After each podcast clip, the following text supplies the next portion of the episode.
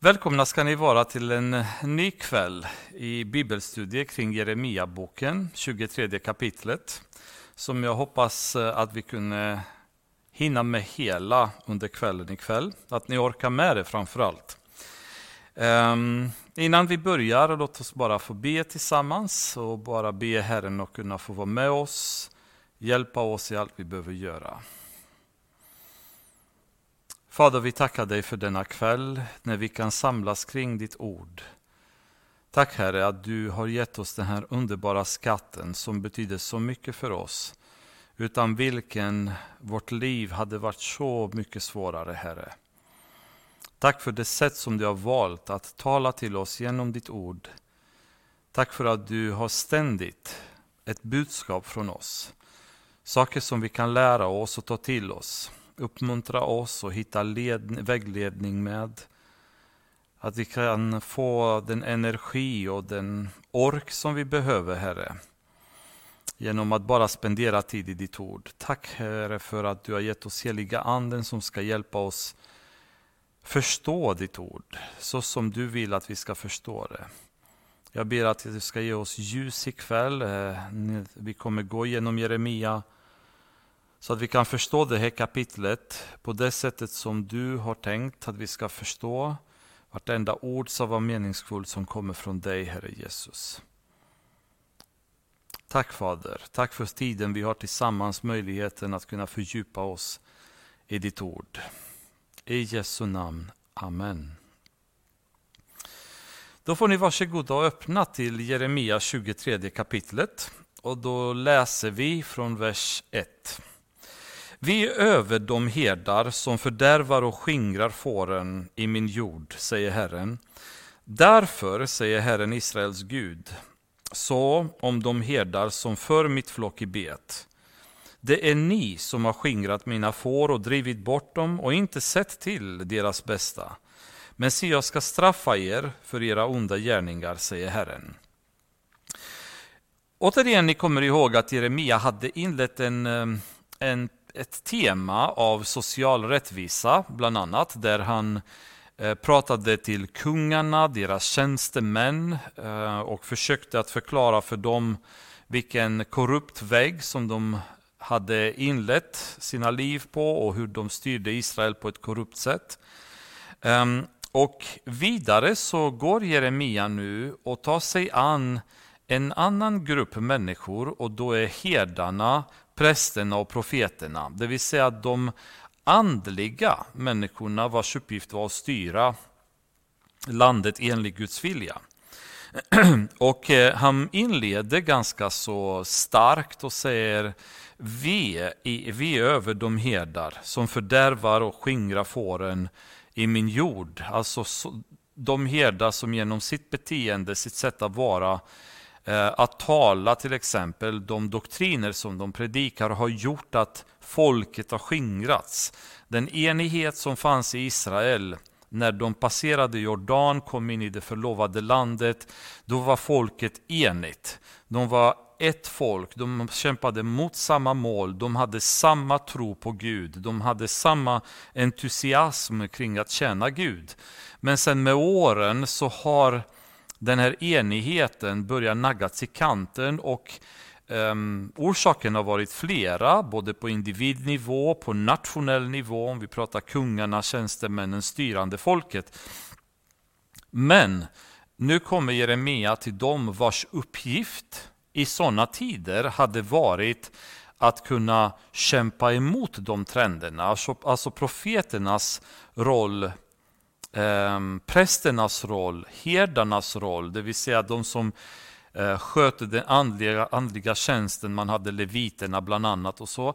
Alla dessa hade som roll att kämpa mot synden i landet, att hålla ren doktrinen, att predika Guds ord, att hela tiden påminna folket om vad Guds ord säger, även om kungarna ibland eh, var på vilovägar eller hade sina egna Ehm, perioder av synd och så vidare så var profeternas roll att hela tiden valla tillbaka fåren, att, att samla ihop flocken. Men Jeremia säger att vad ni själva har gjort istället för att samla ihop flocken är att ni har själva medverkat till att skingra ut flocken. Och Jesus säger i Johannes um, tionde kapitlet att det är vargarna, det är de som kommer in och skingrar fåren. Ehm, Medan herdarnas roll är att samla ihop fåren, att ta hand om fåren, att mata fåren, att se till fåren helt enkelt. Ehm, och det är tragiskt när herdarna vars roll är just att ta hand om fåren missbrukar den rollen till en sån nivå så att de själva medverkar till att eh, skingra ut flocken. Och det är ju um, en situation som hade pågått väldigt länge. Ni kommer ihåg olika situationer. Vi pratade bland annat om profeten Mika som fick kämpa emot 400 profeter när han stod inför Ahab, där 400 profeter profeterade fel.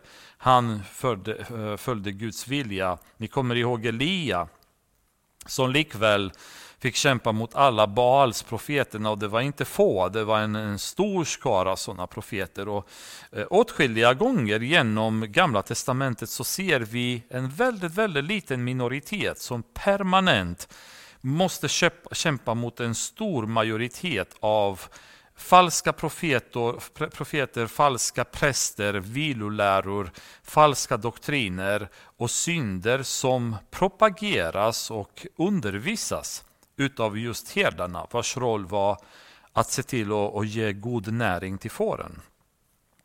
Och det har jag sagt tidigare många gånger i predikningar förut. Det är hur otroligt viktigt jag tycker att det är idag i vår församling att vi har människor som matar fåren, som tar hand om fåren.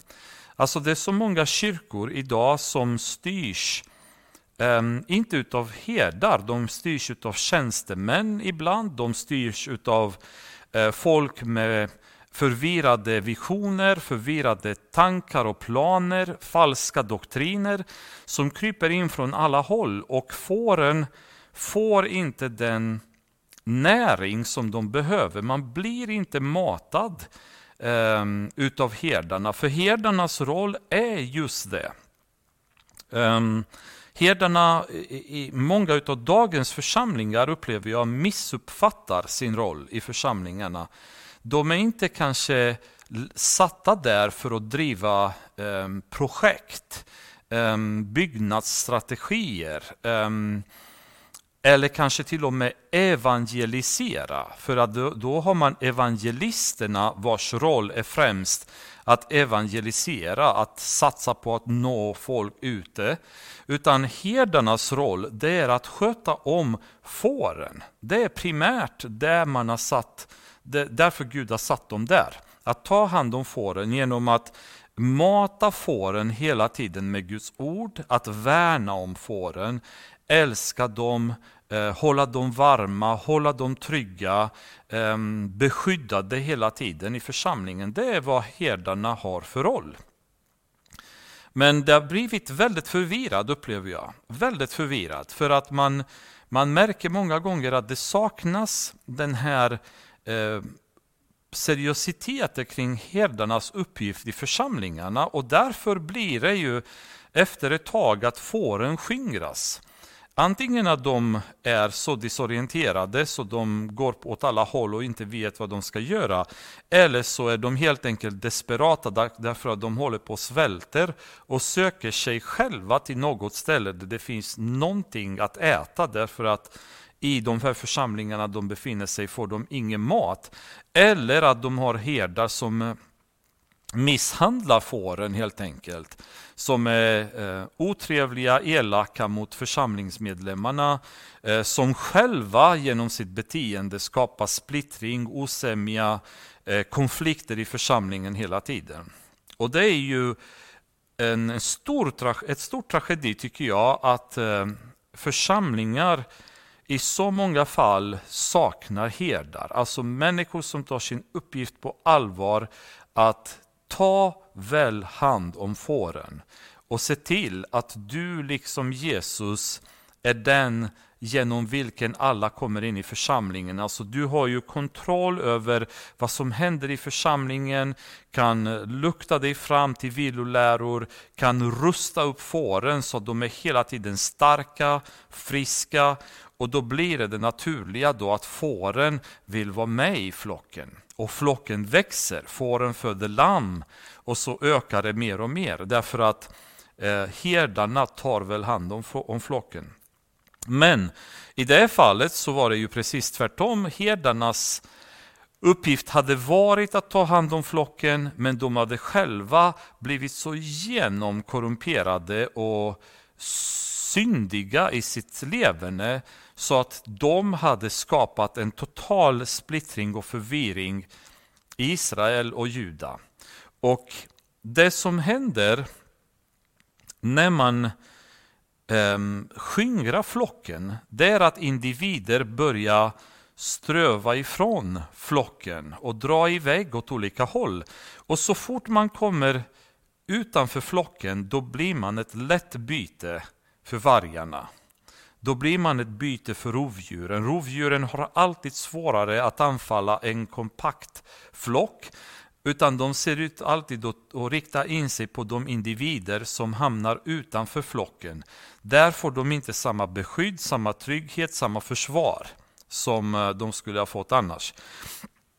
Och så fort individer börjar eh, komma utanför flocken, alltså folk som börjar slutar komma till församlingen, de slutar gå i, i kyrkan, de eh, börjar bli orkeslösa, trötta, börjar handla saker som man prioriterar eh, eller är missnöjd allmänt, tycker att jag går vecka efter vecka, dag efter dag, jag växer inte andligt, jag brinner, jag vill så mycket men jag får ingenting. Och så hamnar man i, i fällan att tro att ah, men jag kanske ska klara mig bättre på egen hand för det är ganska irriterande att gå till kyrkan och bara bli på dåligt humör istället för att känna att jag växer.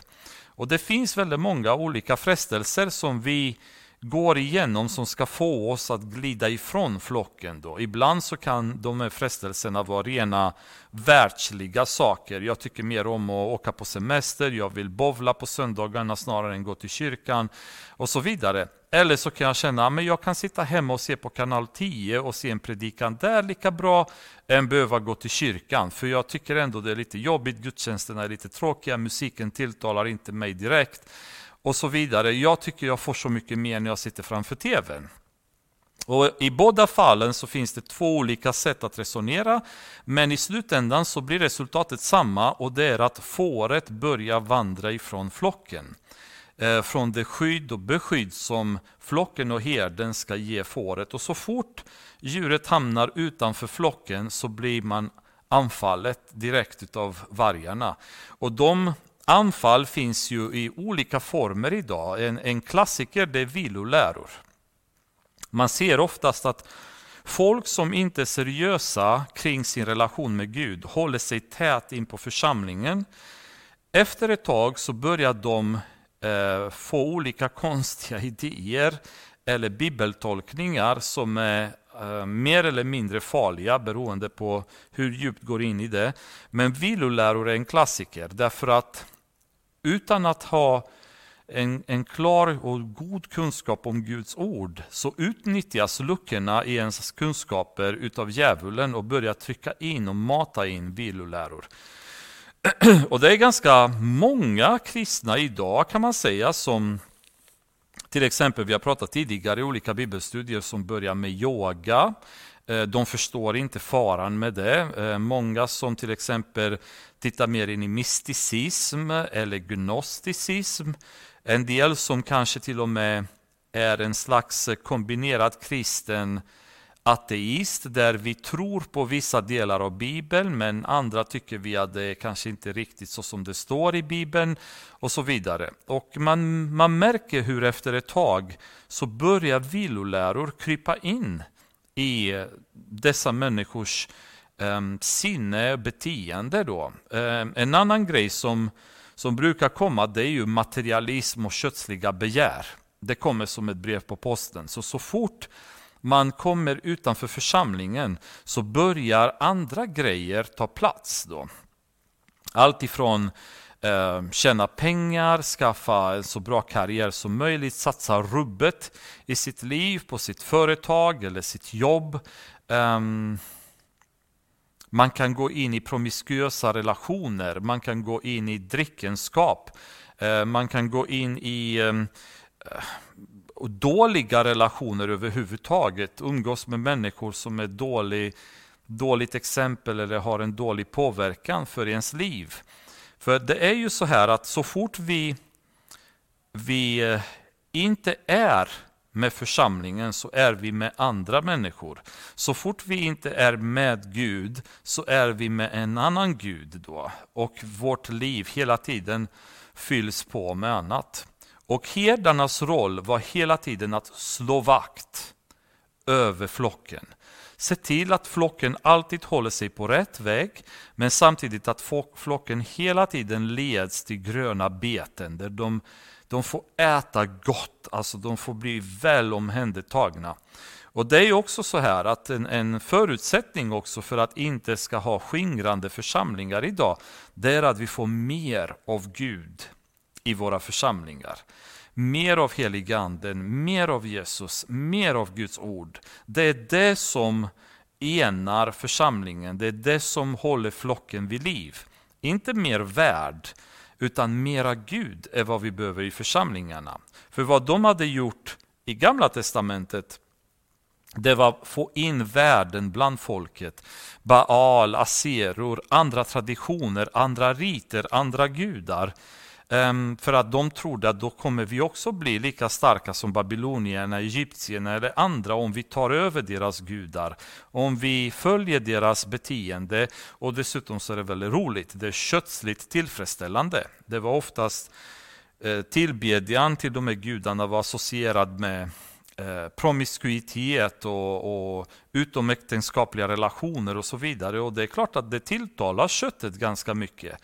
Snarare än den mosaiska lagen då, som krävde en viss disciplin och, och rätt leverne. Då. Men de hamnade i total kaos där alla sprang åt alla håll och städerna var fulla av kriminalitet och ledarskapet mäktade inte med någonting. Och en, en stor skuld i detta säger, säger Gud, det är herdarna vars roll har varit att hålla flocken ihop, de har skingrat det. Och han säger, ehm, jag ska straffa er för era onda gärningar, säger Herren. Så det kommer. Vers 3. Jag ska själv samla dem som finns kvar av mina får ur alla de länder dit jag har drivit bort dem. Och jag ska föra dem tillbaka till deras betesmarker. Där ska de bli fruktsamma och föröka sig. Jag ska sätta herdar över dem som ska föra dem i bet de ska inte mer behöva frukta eller vara förskräckta och ingen av dem ska saknas, säger Herren. Se, dagar ska komma, säger Herren, då jag ska låta en rättfärdig telning växa upp åt David. Han ska regera som kung och handla med vishet. Han ska utöva rätt och rättfärdighet i landet. I hans dagar ska Juda bli frälst och Israel bo i trygghet. Och detta är det namn man ska ge honom, Herren vår rättfärdighet. Vers 3 till 6 är en eh, underbar del. Egentligen hade vi lätt kunnat ta en eh, serie på tio bibelstudier och hålla oss kvar i vers 3 till 6. Därför att de här verserna är magnifika i det budskap som Gud ger Israel, nämligen att det kommer att komma en dag då, så som Jesus sa i Matteus evangeliet 24 kapitel, vers 31, änglarna kommer samla det judiska folket från världens alla fyra hörn, kommer samla dem och ta dem tillbaka till landet Israel. Och den gången så kommer de inget saknas längre. De kommer få herdar som kommer ta hand om dem. De kommer bli matade på rätt sätt. Och framför allt så kommer de regeras utav en telning från David som heter Jesus Kristus Messias. Han kommer bli kung på riktigt över judarna. Judarna trodde att detta skulle ske vid palmsöndagen när Jesus kom i Jerusalem ridande på en åsna.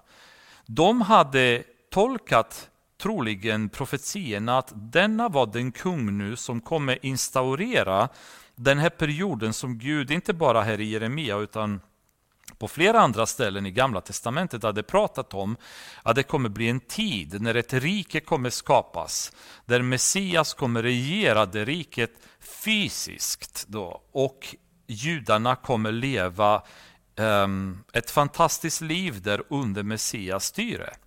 Och det var det de hade trott att skulle ske. De hade dock inte förstått att det var en annan dal mitt i den här profetiska tiden då Gud i sin nåd tänkte på att det fanns andra människor som inte var judar som behövde känna Jesus och det var ju vi eh, som idag har fått eh, nåden att bli kristna, att bli tillåtna att komma in i Guds rike. Att få hans sigill och genom tro på Jesus kunna komma och bli frälsta och bli en del av Guds folk då med vår fader Abraham som vår andliga fader, då, som Paulus beskriver. De förstod inte detta och det var det de trodde att det skulle ske. Men det som pratas här i Jeremia om, det är ju en period som ligger mycket längre fram i tiden, eller kanske väldigt kort fram i tiden från vårt, vår tidsperiod där vi befinner oss. Och det är vad vi kallar som kristna det tusenåriga riket. Och det är tyvärr så att de här eh, perioderna har varit ganska försummade i eh, många församlingars undervisning och eh, många utav oss kristna har genom åren inte riktigt förstått eller knappt ens hört vad tusenåriga riket betyder. Um, och Vi kommer inte gå på djupet på det ikväll, men bara som en liten försmak. Jag, jag önskar att det kommer en dag när vi kan gå kanske genom Uppenbarelseboken um, vers för vers, så kan vi bara börja gräva lite mer i alla de här bitarna som har med sista tiden att göra, vilket är ju så oerhört spännande.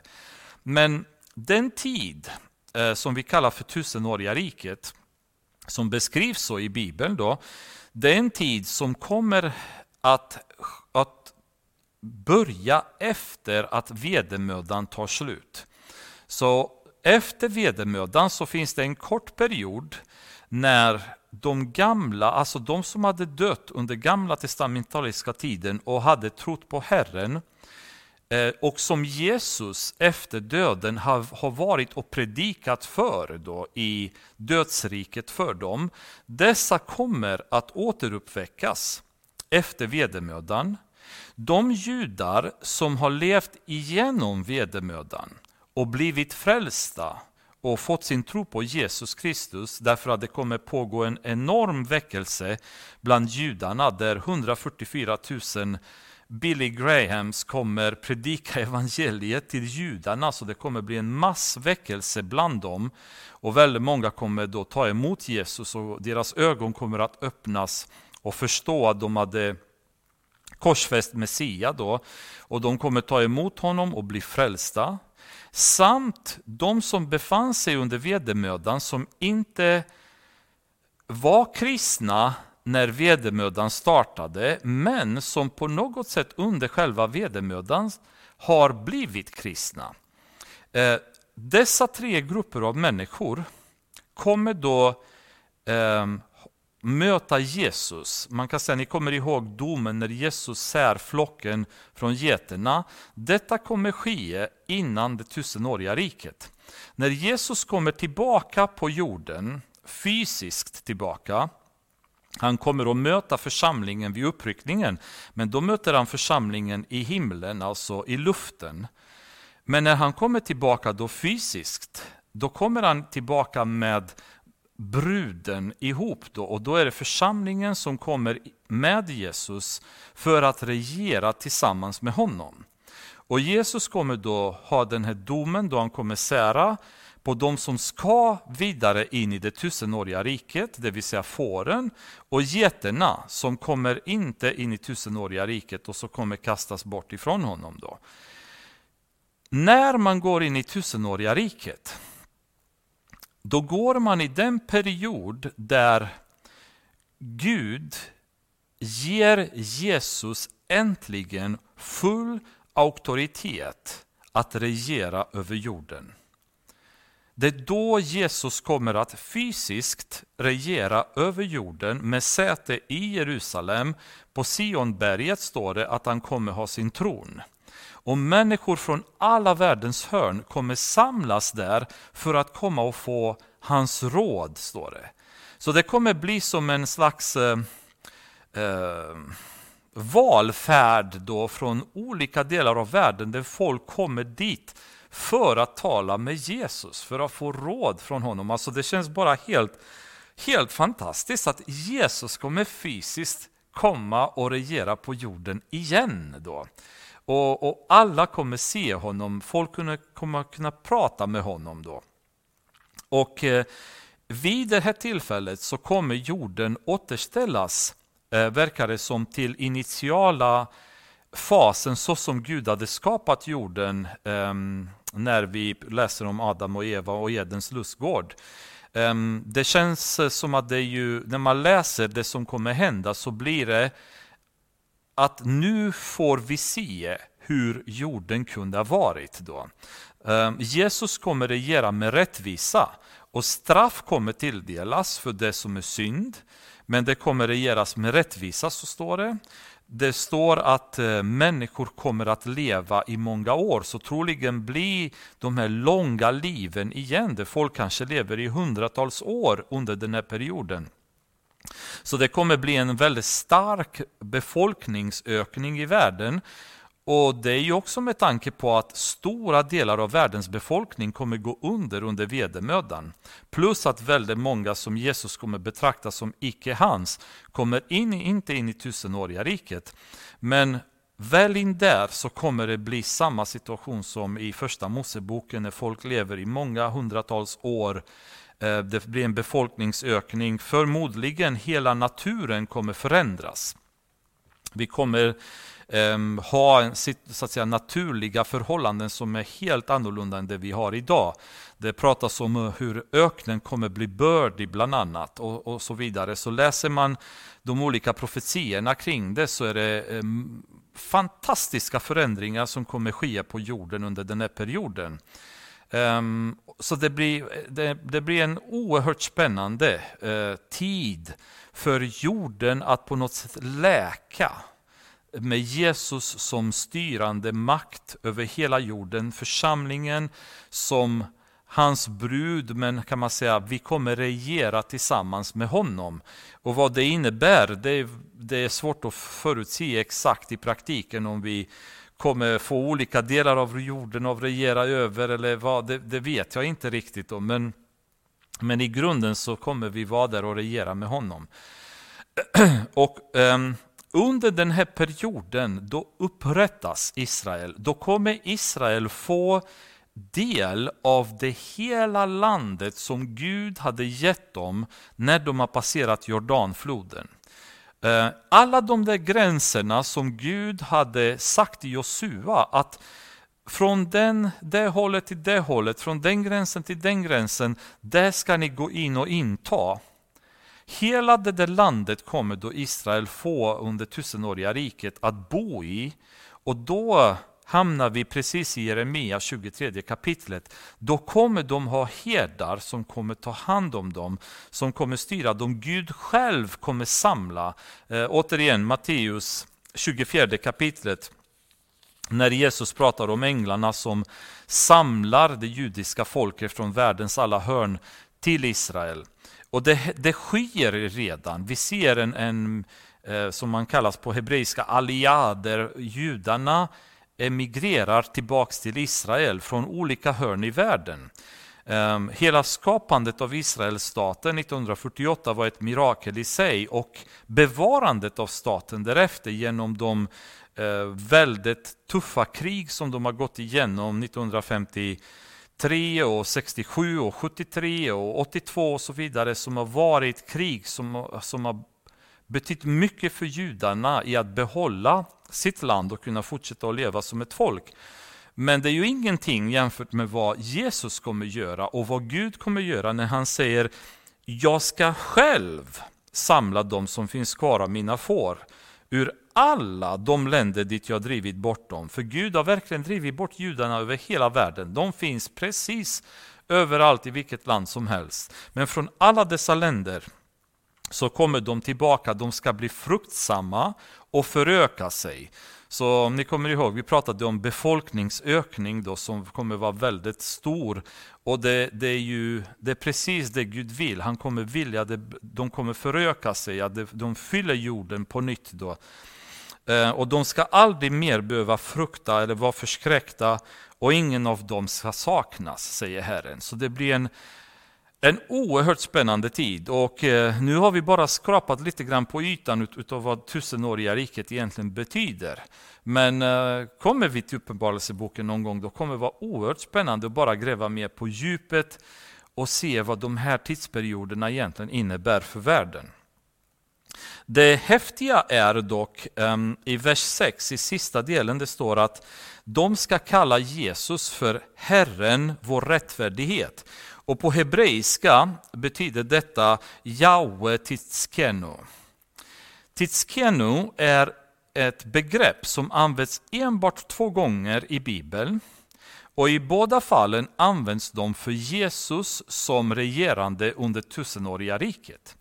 Annars oftast i eh, Gamla Testamentet så kan Jesus, eller Gud kallas också som eh, Yahweh Shua, Ehm, Jehova Shoa, som betyder Gud vår frälsning. Men när man kommer till tusenåriga riket, då är man frälst. Då kommer man kalla Jesus då för Herren, vår rättfärdighet. Frälsningen är uppfylld, nu är det han som ger oss rättfärdighet. Det som är också lite intressant är att eh, bland Jehovas vittnen så finns det en doktrin om att Jesus egentligen inte är Gud. Så Jehovas vittnen är en grupp som förnekar Jesu gudomlighet. Ehm, de säger att han har en början, han har ett slut och han kan inte betraktas som Gud. Och det finns förstås åtskilliga bevis för att säga emot den tron och den falsk lära och, och, och en demonisk lära, helt enkelt att ifrågasätta Jesu gudomlighet. Um, men här är också en vers som man kan säga att det kan ge riktiga kallsvettningar till en Jehovas vittne som kommer och knackar på er dörr. Därför att här är en, en, en del, så att säga, ett passage som även de själva erkänner att det har med Jesus att göra. Det finns inget annat sätt att tolka det. Han är ju Davids delning, han är ju den som kommer regera över hela jorden. Det finns ju åtskilliga gånger sagt. Men det märkliga är att det säger att de ska ge honom namnet Jahwe Titskeno. Och det är bara Gud som får kallas Jahwe, eller Jehova som vi säger. Så hur kan man kalla Jesus Jahwe om inte han själv är Gud? Om han inte är del av treenigheten, Fadern, Sonen och Heliganden, som inte har en början och inte har ett slut. Han är alfa, han är omega, han är allt. I honom finns allt, säger Paulus. Han har skapat allt. I början fanns ordet. Han var från början. Um, han är, det är ju hans namn, Jahwe. Han är, han har alltid funnits, han kommer alltid finnas. Så det är en vers som blir extremt besvärlig för en Jehovas vittnen att kunna förklara. Om inte Jesus är Gud, hur kan man kalla Jesus Jahwe, det vill säga Jehova? Ehm, det finns ett annat ställe tror jag i, i Jesaja som också står det tydligt, en profetia om Jesus och han kallas därför Jahwe också. Så ha de här verserna i åtanke och eh, är det någon Jehovas vittnen som lyssnar på detta så, så tänk på detta. Eh, Jesus är Gud. Han är inte skapad utan han är skaparen bakom allt. Han är evig och kommer alltid finnas. Eh, och den respekten och den äran måste vi ge honom. För eh, vi läser Uppenbarelseboken när han sitter på tronen, vem Jesus är på riktigt. Eh, vi tror kanske att han är bara en, en profet skickad av Gud, Eh, en, en människa som vi fast lite visare. Men eh, läs Uppenbarelseboken och se vem Jesus är, då förstår man varför han prisas och upphöjs så som man gör. Därför att han är den som står bakom allt. Väldigt spännande period. Um, verkligen. Det vore ju underbart. Jag uppmanar er att ta lite tid och plöja er genom Daniel, Hesekiel, Uppenbarelseboken, Jesaja, Jeremia till viss del kommer vi gå igenom lite senare, genom mer av detta. För det är eh, det är någonting som ger hopp och energi till oss kristna när vi förstår Guds löften, Jesu plan för våra liv. När vi ser den här röda tråden genom hela Bibeln och hur skickligt Gud styr allt. Då vet vi att när, eh, när det gör lite ont i foten på mig så kanske behöver inte jag sitta hemma och oja mig för mycket utan kan bara känna, åh, vad är detta jämfört med evigheten? Vad, vad spelar det för roll att vi genomgår lite prövningar under en tid här på jorden när detta är vad som väntar på oss sen. Den här frälsningens hjälm som vi pratade om i Efesierbrevet som vi bara sätter på oss och det, då vet vi liksom att då är vi skyddade från tankar och attacker och vårt fokus är på, på tiden med Herren, det som ska komma. Se, dagar ska komma, säger Herren, då man inte mer ska säga så sant Herren lever, han som förde Israels barn ur Egyptens land, utan så sant Herren lever, han som förde avkomlingar från Israels hus ut ur landet i norr och hämtade dem ur alla andra länder dit jag hade drivit bort dem. Så ska de få bo i sitt land. Om profeterna mitt hjärta vill brista i mitt bröst, alla mina ben darrar. Jag är som, berus, som en berusad man, som en man omtöcknad av vin för Herrens och hans heliga ords skull. Till landet är fullt av äktenskapsbrytare. Under förbannelse ligger landet sörjande och betesmarkerna i öknen är förtorkade. Man inriktar sig på att göra ont och ha sin styrka i orättfärdighet. Till både profeter och präster är gudlösa. Även inne i mitt hus finner jag deras ondska, säger Herren. Därför ska deras väg bli för dem som hala stigar i mörkret. De ska drivas bort och där ska de falla. Ty jag ska låta olika drabba dem det år deras straff kommer, säger Herren. Um, i vers 10 i sista delen där, då står det man inriktar sig på att göra ont och har sin styrka i orättfärdighet. Mycket intressant formulering. Man har sin styrka i orättfärdighet. När man tittar på vad Gud vill att vi ska ha vår styrka i, så är det alltid att vi ska ha vår styrka i honom. Det är i honom vi kan göra allt. Utan honom är vi ingenting. Eh, med honom kan vi göra allting. Genom tro på honom så kan vi ehm, flytta berg, vi kan bryta murar. Vår styrka kommer hela tiden från Herren.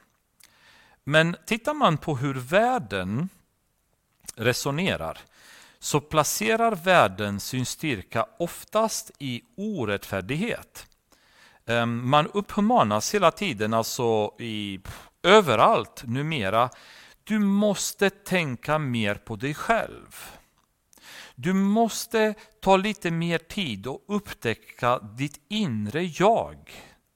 Där kommer du upptäcka din styrka.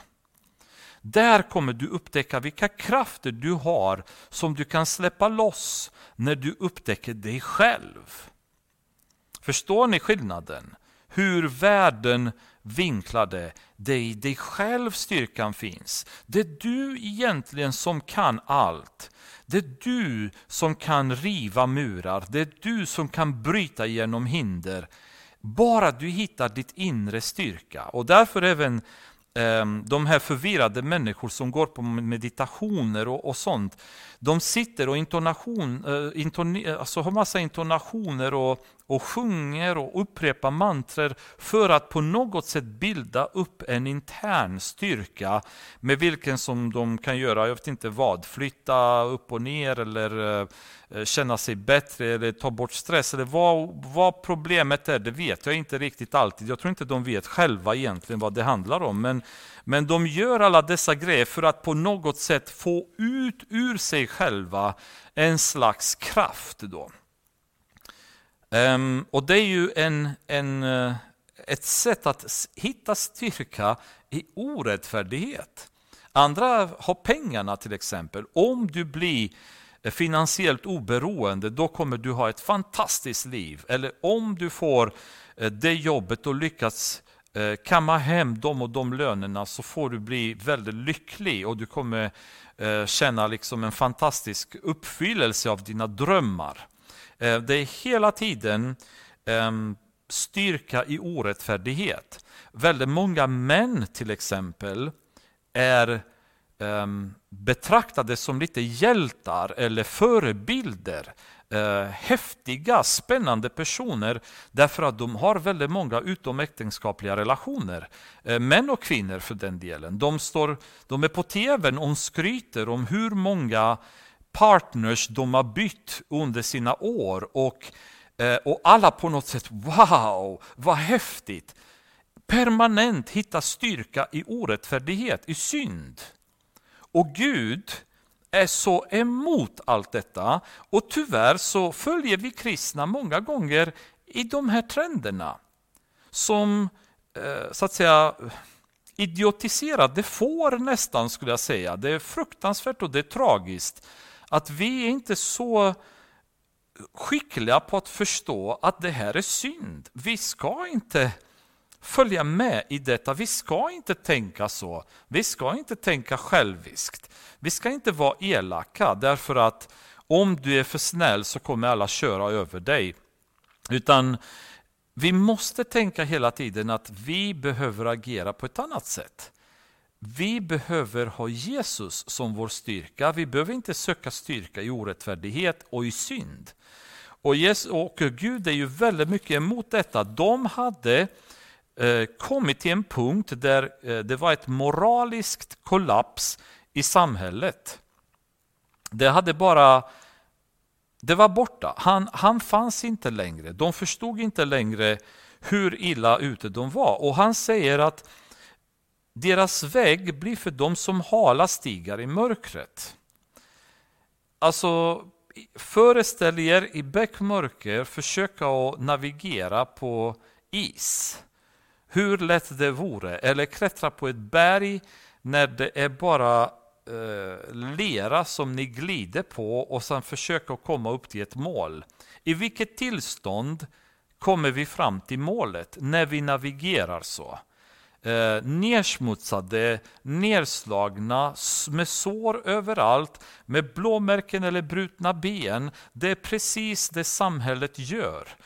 Ett samhälle som är totalt nersmutsad, nermejad av hinder på vägen med brutna andliga ben, med brutna psyken, med deprimerade människor, med självmordstankar, med brutna familjer, med skilsmässor, med barn som mår dåligt. Och alla dessa människor, de säger, men vi söker styrka i orättfärdighet. Det vi gör är bra. Istället för att förstå att tillbaka till Gud, det är vad samhället behöver göra. Hitta Herren igen och få styrka utav honom. Då blir man stark. Det är då man kan möta hinder och man slipper gå som en blind, utan man har en tydlig ledning. Men prof profeterna och prästerna hade själva blivit ogudaktiga och lett folk åt olika håll och skingrat flockarna.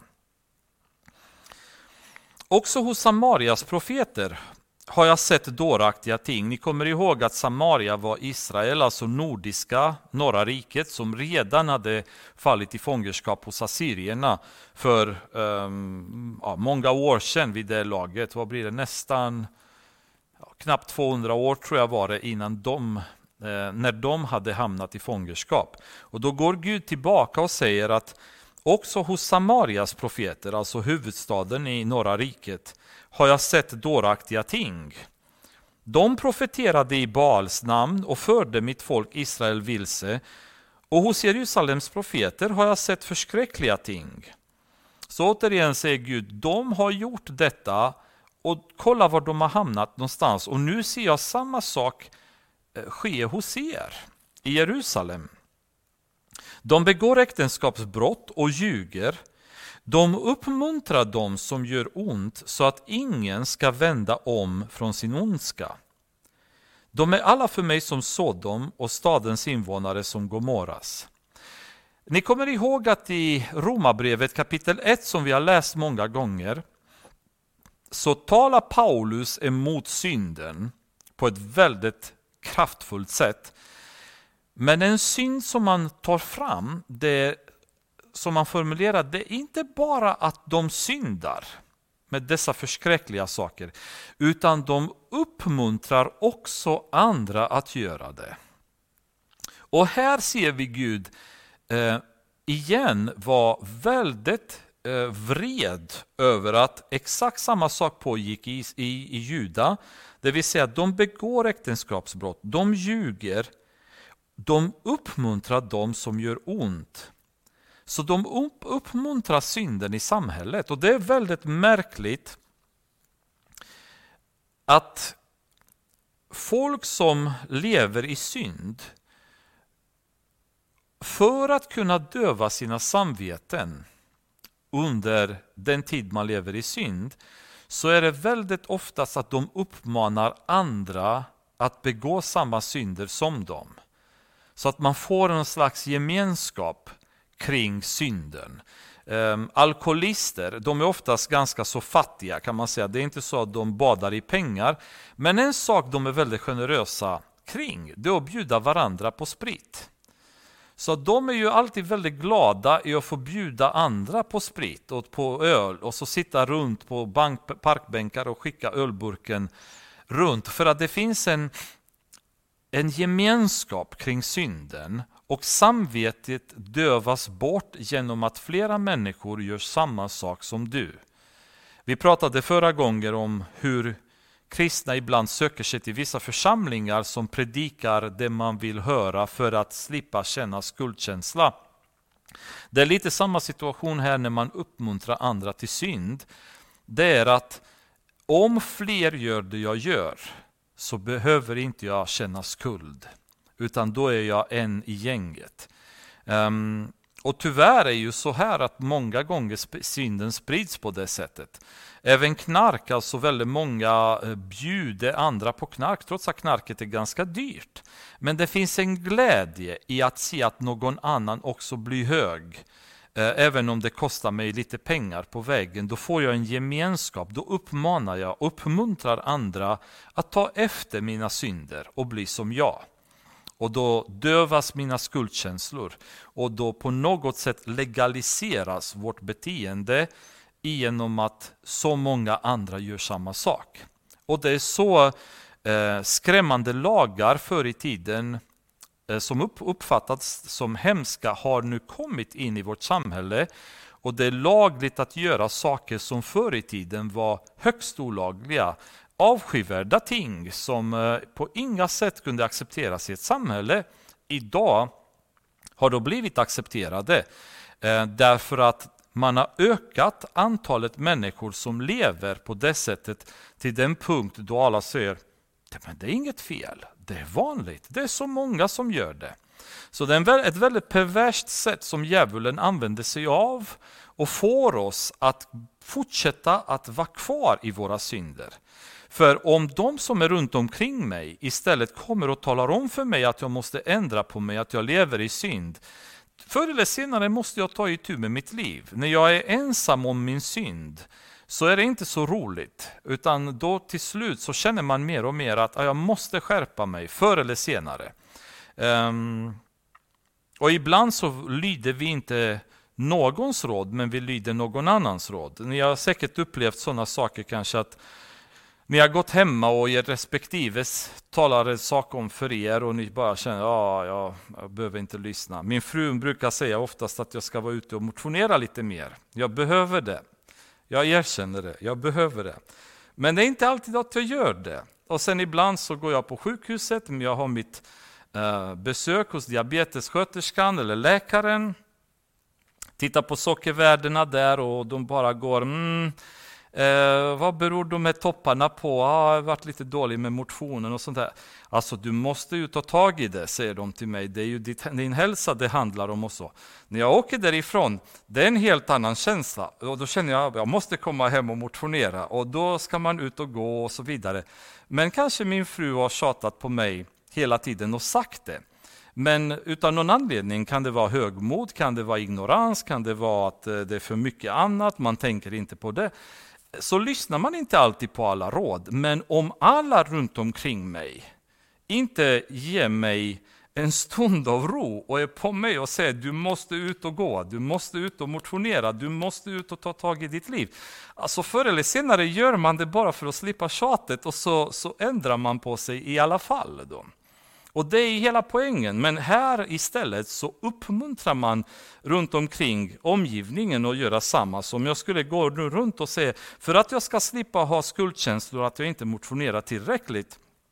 Nu ska jag få mina barn att inte motionera, nu ska jag försöka övertyga min fru att inte motionera, helst mina grannar, mina arbetskamrater och så vidare. För att vi tillsammans sen ska känna att Aj, vi behöver inte ha några skuldkänslor för att inte motionera, för ingen gör det. Det är inte så viktigt, eller hur?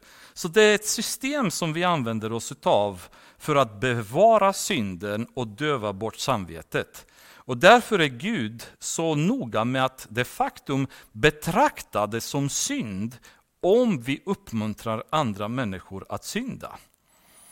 Så det är ju väldigt viktigt att vi eh, tänker på det och helst låta bli då. Därför säger Herren Sebaot så om profeterna. Jag ska ge dem malört att äta och förgiftat vatten att dricka. Ty från profeterna i Jerusalem har gudlöshet gått ut över hela landet. Alltså tragiskt att det är från profeterna så gudlösheten har gått ut i resten av landet de vars roll var att preservera landet rent. Det var de istället som skickade ut all smuts in i landet.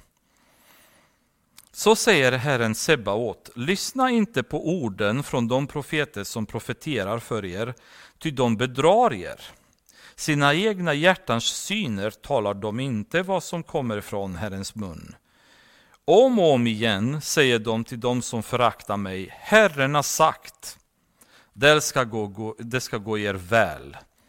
Och till var och en som följer sitt hårda hjärta säger de, ingen olycka ska drabba er. Men vem har tillträde till Herrens råd, så att han kan se och höra hans ord? Och vem har aktat på hans ord och lyssnat till det? Gud säger att det de profeterar om, det är sina, sina egna idéer, sina syner. Um, jag kan inte säga noga och tillräckligt hur mycket jag avskyr gudstjänster, konferenser, tältmöten, vad som helst, Nihemsmöten, kalla dem vad ni vill. Där predikanter står framme och predikar sina egna åsikter och sina egna syner. Ehm, det vrider sig en, någonting inom mig som bara får mig ibland nästan att explodera när jag sitter på en sån gudstjänst och ser att man predikar sina egna tankar, sina egna idéer, sina egna sagor, sina egna berättelser. Och ibland så är de så allvarligt felaktiga så de är rent ut sagt emot det som Gud, Guds ord säger. Och Gud säger väldigt tydligt här, lyssna inte på orden från dem som profeterar sånt för er. Lyssna inte på dem. Ni har, inget, ni har ingen skyldighet att lyssna på de här människorna. Sitt inte i kyrkbänkarna och få dåligt samvete när ni känner innerst inne att det som den här brodern pratar om, är han är helt ute och cyklar, det känns helt fel. Men ni sitter där och tänker, ja ah, men jag ska inte döma, jag kanske, jag kanske ändå ska försöka att lyssna. Ja, de kanske ändå eh, utkallade av Gud och fast. Nej, lyssna inte på sådana. Det är helt godkänt och accepterat att ni inte lyssnar på en person som inte predikar Gud till er. Känn er fria. Och det säger jag väldigt tydligt. Jag har pratat ibland med ungdomar som har varit på vissa möten eh, och olika församlingar där en hel del skumma grejer hände, om man ska säga det minsta då. Och jag har sagt även till, eh, till barnen hemma att ni har alltså bara strunt i det, det där är fel. Ehm, låt inte det komma åt er, alltså lyssna inte på sånt. Därför att det är någonting som fördärvar och inte någonting som bygger upp. Kommer inte det från Herren, då ska det inte finnas. Helt enkelt. Är det inte från Gud, då behöver vi inte ha det. Det finns en värld där ute, om någon vill ha någonting från världen får man gå där ute. I församlingen så är det väldigt viktigt att vårt fokus är på att följa Guds vilja, följa Guds råd och göra det som är rätt, det som man kallat oss att göra. Profeterar vi efter våra egna tankar, åsikter, idéer, vad som helst, snälla, lyssna aldrig på oss. Bara ignorera. Eh, helst komma och dra oss i örat om ni ser att vi är ute och cyklar någon gång. För att sånt här får bara inte förekomma i Guds församling. Att folk bara är ute och cyklar och gör vad de vill. Utan det är ju Gud som ska prisas, äras, framhävas. Vi ska inte synas, vi ska inte höras. Våra åsikter är inte något värt. Utan det är bara Guds ord som gäller. Och Gud säger, hur kan de veta detta? Hur kan de gå till er och säga, det är inget som kommer hända er. Ingen fara, ni kan fortsätta som ni gör. Hur vet de det, säger Herren. Eh, vem har tillträde till Herrens råd? Med andra ord, har de varit i, i mitt råd och pratat med mig? Eh, har de penetrerat så att säga himlen och kommit till min tron så att de hör exakt vad jag har att säga och de förstår min vilja? Hur kan de säga sånt till er? Var har de fått det här ifrån? Se här en stormvind full av vrede bryter fram, en virvlande storm. Över de ogudaktigas huvuden virvlade ner. Herrens vrede skall inte vända åter förrän han har utfört och fullbordat sitt hjärtas tankar. I den innersta tiden ska ni inse och förstå det. Jag sände inte dessa profeter, ändå rusade de iväg. Jag talade inte till dem, ändå profeterade de. Om de har haft tillträde till mitt råd hade de förkunnat mina ord för mitt folk för att få dem att vända om från sina onda vägar och sina onda gärningar. Åh, då är jag med. Om, om vi verkligen umgås med Gud. När man kommer till församlingen så bör man predika Guds ord. Han säger om de hade haft tillträde till mitt råd, det vill säga om de hade varit i min närvaro, om de hade talat med mig, om de hade umgåtts med mig, om de hade levt tillsammans med mig, det de hade gjort hade förkunnat mitt ord till folket. Så är det inte lite skrämmande när i församlingar predikas annat än Guds ord? Vad är det för folk som står då framme och pratar? Vilken relation har de med Gud om de kan stå framme och predika annat än Guds ord? Predika sina idéer, sina åsikter, sina drömmar, sina fantasier. Sagor som de har läst. Har de verkligen varit inne i Guds råd? Tillsammans med Gud, spenderat tid med honom? Um, för hade de gjort det, säger Herren, då hade de förkunnat mitt ord och fått folk att vända om från sina onda vägar, från sina synder, från sina onda gärningar. Vad har hänt med syndernas eh, eh, påpekandet kan man säga i predikningar? Hur oftast predikas i församlingar idag mot synd? Det, det predikas väldigt mycket att vi måste ut och nå världen. Det är många som behöver nås av Jesus. Underbar budskap, helt sant. Vi predikar eh, oftast om hur kärleksfull Gud är, hur välkommande Gud är. Han älskar oss, han vill vara med oss, han tycker om oss, vi är unika. Ehm, vi måste ta vara på vår unicitet. Det är så fantastiskt fint. Underbart, allt det här finns i Guds ord, men var är predikan om synd? När synden är största problemet som vi kämpar mot i våra församlingar idag. Som paralyserar oss i vår relation med Gud. Som förhindrar oss att nå det, det förlovade landet och fullheten av de välsignelser som Gud vill att vi ska få. är synden som stoppar oss.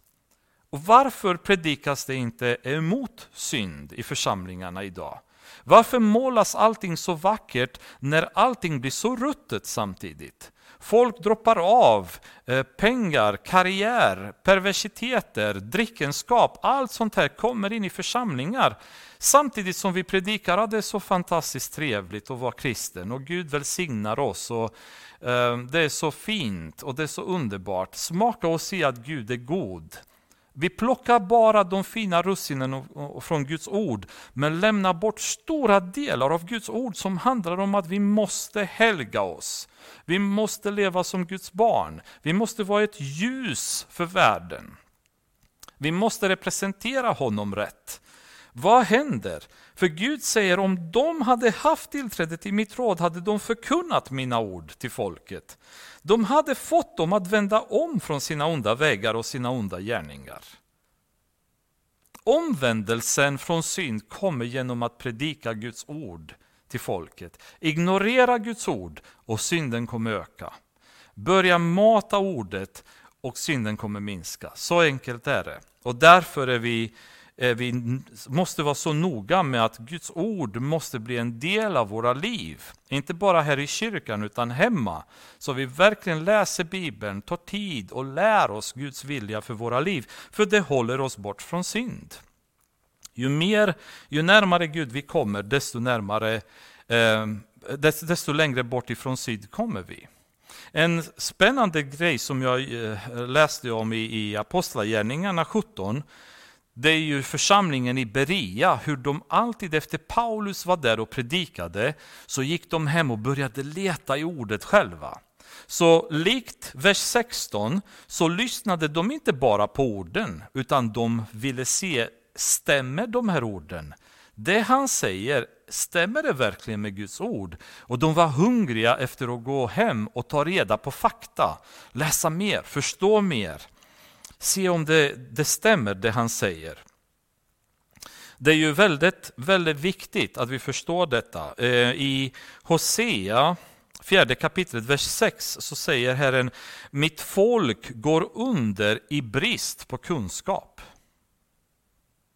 Vi går under som individer och som församlingar i brist på kunskap.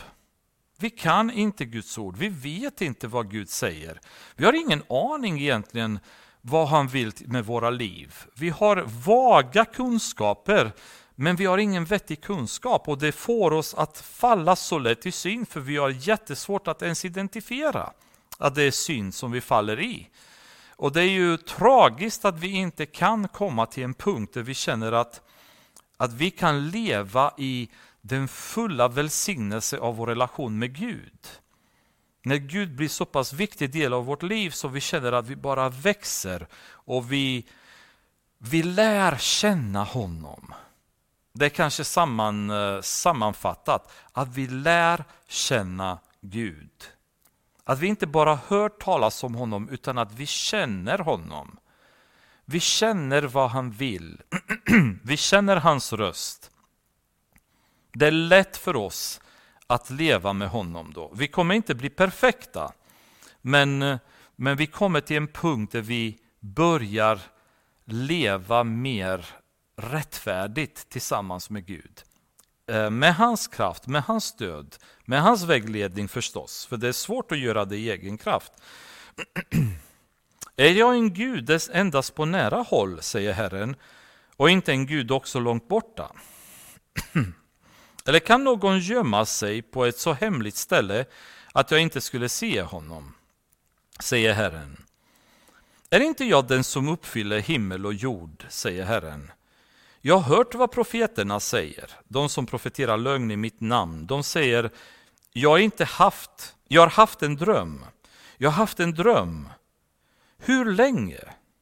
Vad finns det i hjärtat hos profeterna? Lögnprofeterna, de som profeterar sina egna hjärtans svek. De tänker att de genom sina drömmar som de berättar för varandra ska få mitt folk att glömma mitt namn, liksom deras fäder glömde mitt namn för Baal. Den profet som har haft en dröm, han må berätta en dröm.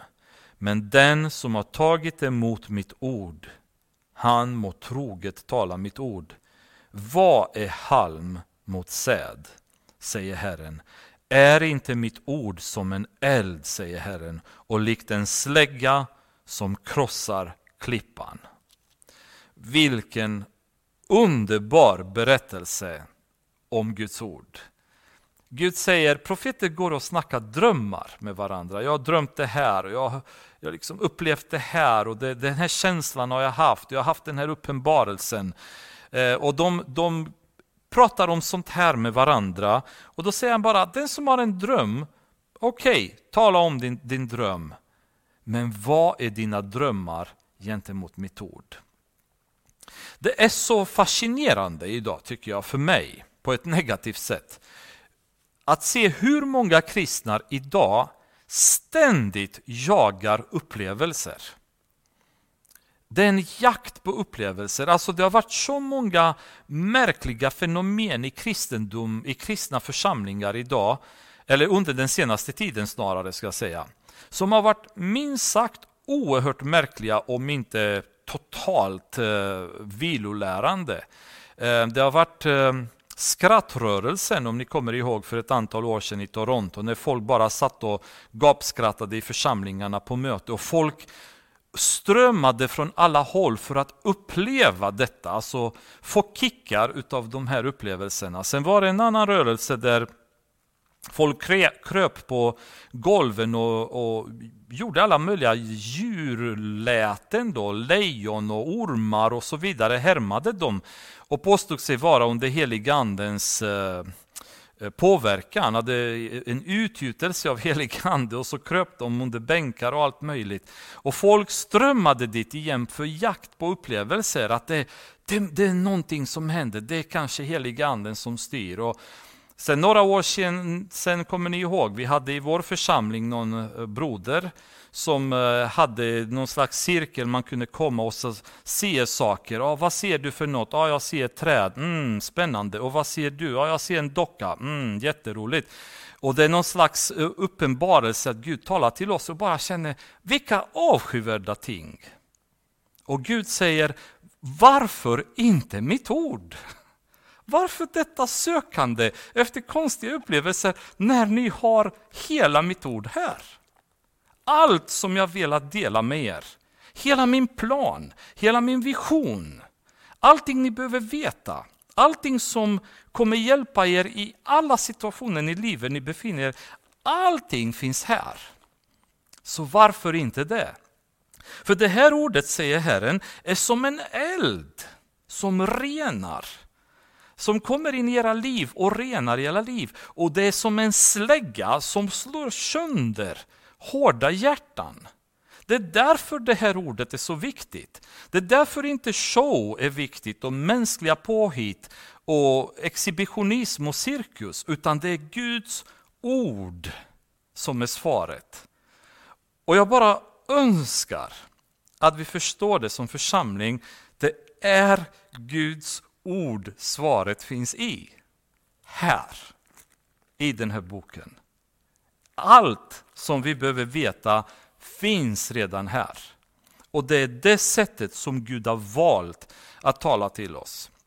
När den rike mannen ropade till Abraham från, eh, från äh, ångesten där han befann sig där i helvetet, så ropade han till Abraham och sa gå till mina släktingar åtminstone om de inte kan hjälpa mig härifrån och tala om för dem vad det här händer. Och, och Abraham säger, de har Mose och profeterna. Allting finns ju redan sagt här. Vad ska jag säga till dem som de inte redan vet? Men vi vet inte därför att vi letar inte. Folket går under i brist på kunskap. Församlingar kollapsar, nationer kollapsar på grund av brist på kunskap. Och det är så otroligt häftigt att läsa här det som Gud säger. Liksom. Det är bara underbart när han berättar hur profeterna pratar drömmar och de tycker det är så häftigt. Jag har haft en dröm och ja, nej, jag har haft också en dröm och jag har sett det här. Och jag har haft en vision och jag har haft en häftig upplevelse. Jag har haft en uppenbarelse. Jag har sett änglar. Det är väldigt populärt till exempel i USA just nu att alla ser änglar. Alla har möte med änglar helt plötsligt. Sen har det kommit fram att många av dem har ljugit, då. en del har till och med erkänt det. Men eh, varför hela tiden det sökandet av, efter upplevelser när det här är största, det häftigaste upplevelsen vi kan ha? Det är när Guds ord kommer som en eld i våra liv och renar och kommer som en slägga och bara slår sönder klippan, slår sönder all synd i våra liv. Och vad underbart det är. Och vad normalt. Vi behöver inte krypa som ormar under bänkarna. Vi behöver inte hoppa upp som apor i kyrkan. Vi kan sitta och läsa Guds ord och prata om det och uppmuntra varandra med det. Så det är så fantastiskt. Men det är kanske för lätt. Det är inte spännande nog. Vi vill ha mycket häftigare grejer. Vi vill ha någonting som är utöver det vanliga, liksom kickar eh, är vad vi behöver. Inte en seriös, ett seriöst liv av att leva tillsammans med Gud, utan vi vill ha kickarna. Vi vill bli höga ibland. Men man kan säga att det finns ingenting som kommer få vårt hjärta att lätta, vår själ att bara prisa Gud så mycket som när vi gräver i hans ord och lär känna honom. Eh, det är ju det underbara. I Hebreerbrevet kapitel 4, vers 12 så står det Ty Guds ord är levande och verksamt. Det är skarpare än något tvegat svärd och tränger igenom så att det skiljer själ och ande, led och märg. Och det är en domare över hjärtats uppsåt och tankar. Förstår ni alltså det sista? Ordet blir en domare över hjärtats uppsåt och tankar. Alltså ordet kommer visa oss tydligt hur vårt hjärta är. Ni kommer ihåg att Jeremia pratade om hur hjärtat var genomgående ont. Men ordet kommer in och ordet hjälper vårt hjärta att kunna öppna upp så att vi ser vad som finns i vårt hjärta. I andra Timoteusbrevet, om ni vill vända ihop med mig, kapitel 3.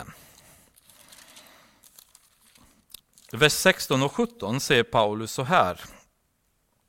Hela skriften är utandad av Gud och nyttig till undervisning, till bestraffning, till upprättelse och till fostran i rättfärdighet för att Guds människan ska bli fullt färdig, väl rustad för varje god gärning. Alltså, genom ordet blir vi rustade för att kunna göra goda gärningar. Vi kan inte komma dit om vi inte fördjupar oss i Guds ord. Ju mer vi kommer in här, desto mer upplever vi oss att vi blir fostrade till rättfärdighet. Vi blir bestraffade utav Gud när vi gör fel. Och det blir undervisning för oss, möjlighet eh, att, att få helt enkelt eh, den, den, det livet där goda gärningarna blir naturligt. När vi behöver inte kämpa för att undvika synd, utan synden är ingen lockelse för oss därför att Guds ord har så stor del i våra liv och heliga anden styr liven på så mäktigt sätt så synden blir inte intressant, det är inte ens roligt längre att titta åt det hållet. Då. Jesus sa själv, det står skrivet i Matteus 4.4, människan lever inte bara av bröd utan av varje ord som utgår från Guds mun. Alltså människan lever, säger Jesus, utav varje ord som har gått ur Guds mun. Det här är vad som ger oss liv. Inte drömmarna, inte visionerna. Alla de här kan ibland vara sett genom Gud kan tala till oss. Men ni kanske kommer bli förvånade och höra att Gud väljer att helst tala genom hans ord. Allt annat är bara undantag. Högst ovanliga sätt för Gud att tala till oss. Framförallt så talar Gud genom ordet. Det är nummer ett. Här finns redan allting. Så vill ni höra Gud, vill ni höra helig ande, varsågod. Alla har en bibel hemma, enkelt att ta sig dit. Se därför är jag emot profeterna, säger Herren, dessa som skäl mina ord från varandra. Jag är emot profeterna, säger Herren, de som bär fram sin egen tungans ord och säger, så säger Herren. Jag är emot de som profeterar falska drömmar, säger Herren. När de berättar dessa drömmar för dem, mitt folk, vilse med sina lögner och sitt skryt. Det är inte jag som har sänt dem eller givit dem något uppdrag och de kan inte alls hjälpa detta folk, säger Herren. När detta folk, eller en profet eller en präst, frågar dig vad är Herrens tunga, ska du säga dem vad som är den verkliga tungan och jag ska kasta bort er, säger Herren. Ehm, tungan i det här Ehm, de här verserna så är det ett ord som på hebreiska kan också tolkas som tung börda. Ehm, så att eh, man kan ju ha det i åtanke för att förstå sammanhanget.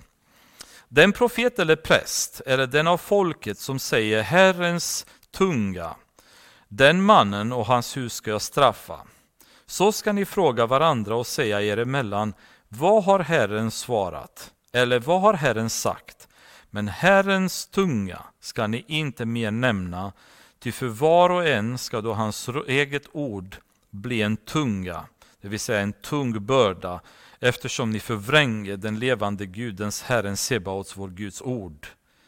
Så ska du säga till profeten, vad har Herren svarat dig? Eller vad har Herren talat? Men om ni säger Herrens tunga, då säger Herren så, ni använder detta ord, Herrens tunga, fastän jag sänt bud till er och sagt till er, ni ska inte säga Herrens tunga. Se, därför ska jag helt glömma er och kasta bort från mitt ansikte både er och den stad som jag givit åt er och era fäder.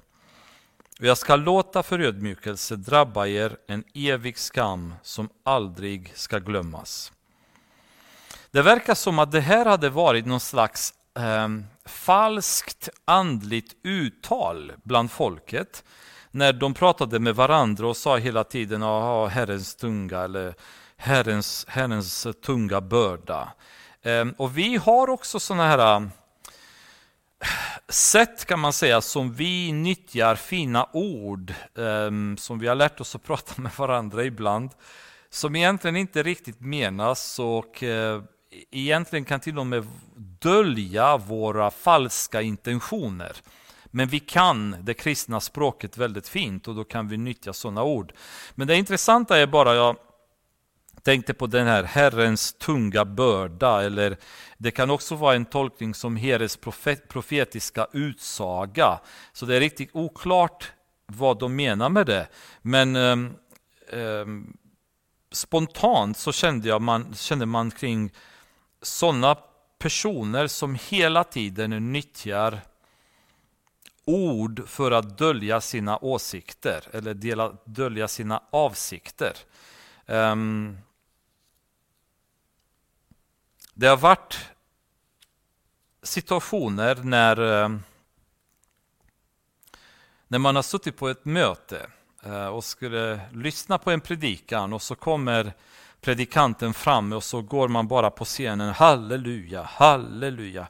Och så, så, så går man, kommer man, den som man satsar, man kommer in i en slags stämning.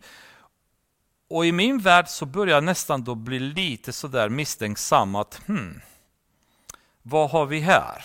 Är det verkligen en person som är så otroligt gripen av Guds närvaro så han, kan, han har till och med svårt att starta predikan utan han måste bara prisa Herren en stund? Mycket möjligt. Men allt som oftast tyvärr så märker man att det är ju upprepande av termer eller intonationer eller uttryck som ska få församlingen att bli mer eh, energiserad, lite mer aktiv, lite mer på hugget. Och i min värld sånt här är ju gimmicks som inte har med heliganden att göra utan det är mänskliga sätt att stimulera eh, åhörarna dit man vill få dem. Då. Och jag känner att vi behöver inte sånt. När heliganden talar, då, då kan jag lova er att vi kommer höra.